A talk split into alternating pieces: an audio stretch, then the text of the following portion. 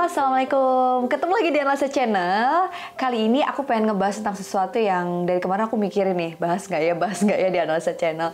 Soalnya memang uh, agak sedikit tuh personal ya, masalah yang belum lama mungkin video yang ngeviral tentang personal story aku di sosial media. Sampai aku tuh nggak nyangka banget kemarin aku lagi ada uh, dinas di Aceh terus kayak aku mampir ke toko aja tuh kayak si penjualnya bisa kayak mbak yang di video viral itu ya? Harus kayak aku di hotel mbak yang ngeviral itu ya? Kayak what?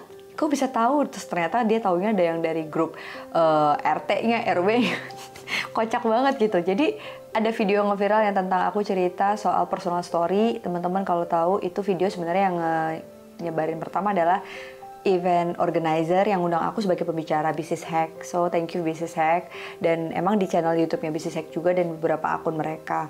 Waktu itu mereka minta izin sih sebenarnya ke aku, Mbak boleh nggak kita angkat materi Mbak di sosmed? Ya aku pikir ya it's okay, toh juga itu dokumentasi mereka dan aku sebagai pembicara senang aja kalau materi aku di-share sebanyak-banyaknya. Nah nggak nyangka yang di-share itu bukan teorinya tapi personal story yang diangkat dan aku sempat kayak pengen agak komplain gitu loh kok yang itu sih? Karena kenapa aku komplain? Karena jujur nih ya teman-teman dulu tuh pernah salah satu tim aku dan di analisa channel tim kreatifku tuh kayak mbak aku suka deh mbak Ana tuh cerita tentang personal story. Boleh nggak ceritain uh, waktu mbak Ana kondisi sulit di keluarga dan sebagainya. Terus aku bilang nggak usah lah, nggak usah bawa cerita personal story. Karena menurut aku kayak I think no need everyone to know. Dan nggak uh, semua orang tuh bisa menerima itu sebagai sebuah hal yang positif gitu. Males aja bawa perasaan, pengennya yang yang yang happy happy aja deh gitu.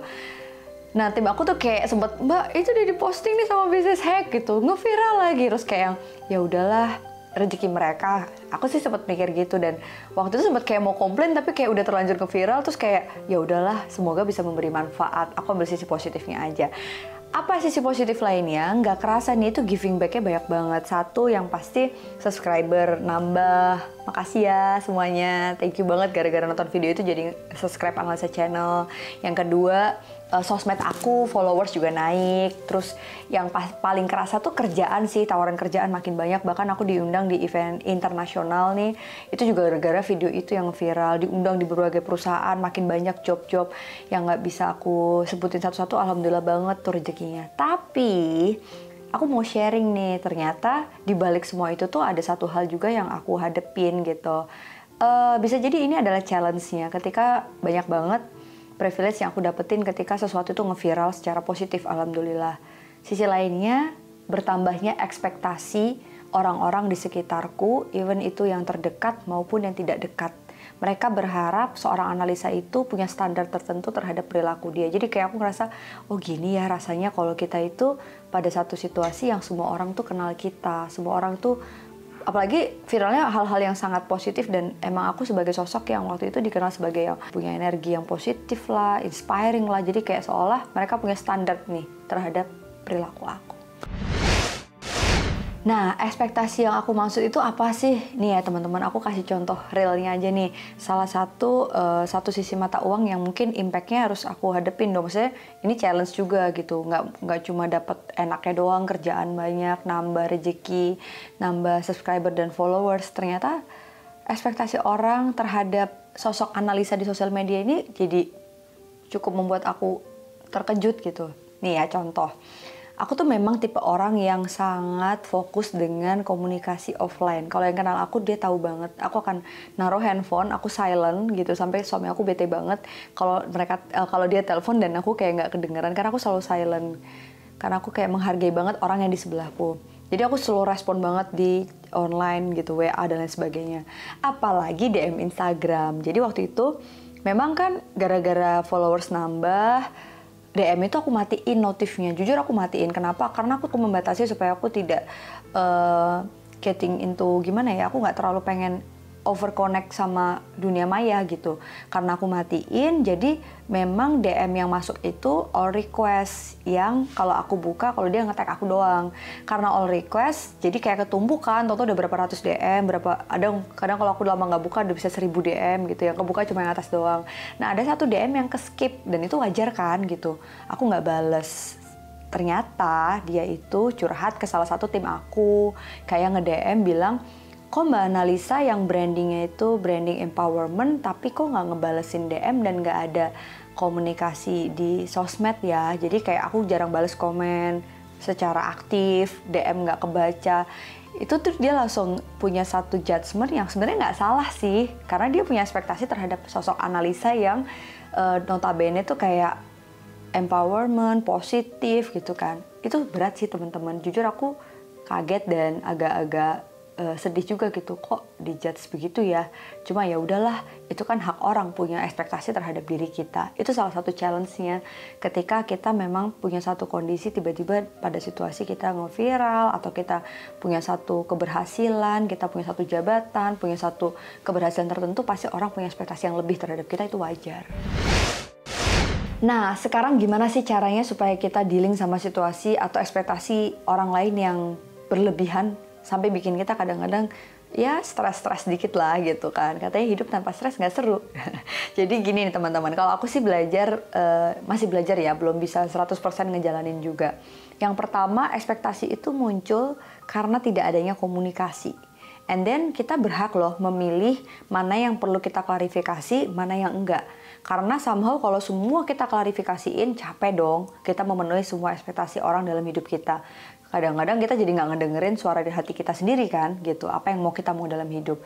Jadi akhirnya ya aku harus memilih mana yang penting untuk kita klarifikasi mana yang enggak contoh misalnya ekspektasi itu datang dari keluarga aku. Ya aku akan bertanya gitu akan klarifikasi akan memohon uh, supaya ekspektasi itu bisa sama seperti apa. Apalagi kalau itu circle satu, aku pernah bahas kan di episode yang circle-circle itu.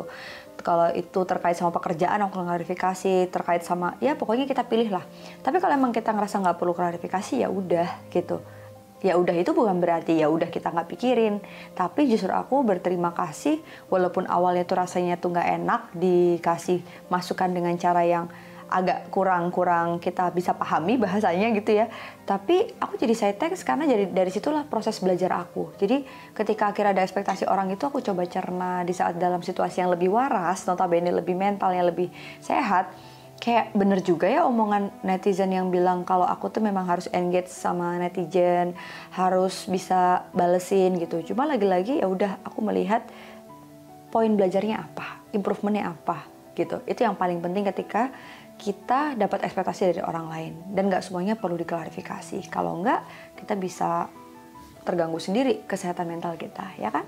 Nah, dan yang paling penting nih, ini sebenarnya ada di kita sendiri nih kuncinya. Ketika kita pengen dealing sama ekspektasi orang lain, kita harus stop dulu berekspektasi kepada orang lain untuk tidak berekspektasi kepada kita Ya nggak sih? Jangan-jangan ketika orang lain ekspektasinya tuh tinggi sama kita, kita tuh kayak nggak terima karena kita berekspektasi juga buat dia untuk tidak berekspektasi kepada kita. Ya nggak bisa dong, harusnya kamu nggak bisa begitu. Nah itu kan berarti kita memaksakan. Jadi stop berekspektasi kepada orang lain untuk tidak berekspektasi kepada kita. Kita nggak bisa mengontrol sikap orang lain. Yang bisa kita kendalikan adalah sikap diri kita terhadap apa pun sikap orang lain pada diri kita. Karena kebahagiaan, keberhasilan, apa pun itu dari diri kita tidak tergantung dari sikap orang lain pada kehidupan kita. Nah, ngomongin soal berdamai sama semua situasi itu aku jadi belajar banget nih bahwa sebenarnya mungkin di balik cerita orang sukses itu tidak semudah yang kita lihat dari apa dari luarnya gitu.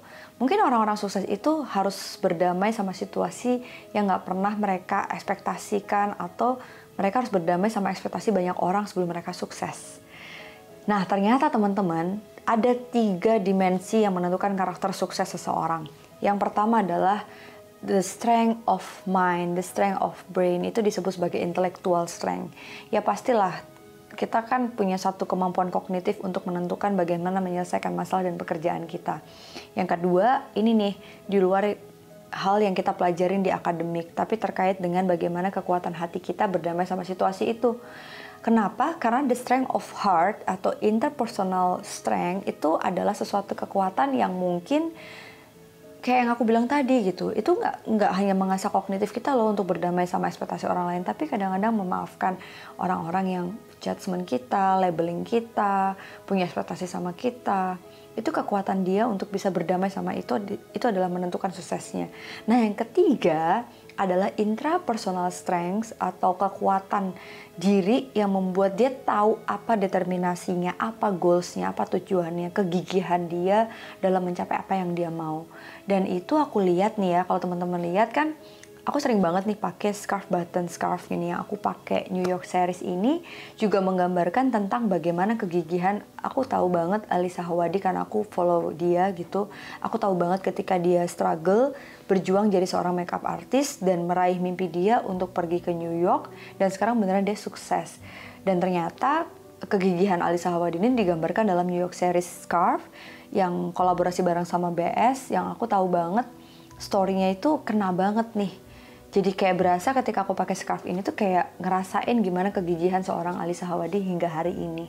Nah teman-teman saking he hebohnya apa ya banyak banget yang suka sama scarf ini ini sampai ada di volume series kedua untuk New York series yang aku pakai kesuksesan seorang Alisa Hawadi mungkin nggak semata-mata karena dia pinter, dia kuliah di kampus yang ternama, tapi gimana kekuatan hati dia melawan perasaan-perasaan yang mungkin ekspektasi itu datang dari sekitar dia, dan bagaimana dia berjuang untuk menentukan long term vision dia dalam mencapai mimpinya buat jadi makeup artist.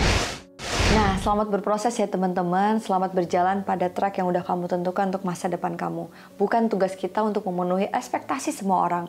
Tugas kita adalah memenuhi ekspektasi diri kita pada upaya yang mau kita perjuangkan untuk hidup kita sendiri. Terima kasih banget ya untuk semuanya. Aku appreciate banget analisa channel bisa semangat terus bikin konten sampai hari ini karena kalian, karena komen-komen yang ada di bawah yang aku bacain satu-satu yang tapi mohon maaf banget belum sempat aku balesin tapi insya Allah kebaca kok. Thank you ya udah nonton analisa channel, jangan lupa subscribe, kasih like kamu dan sebarin sebanyak-banyaknya. Thank you, assalamualaikum.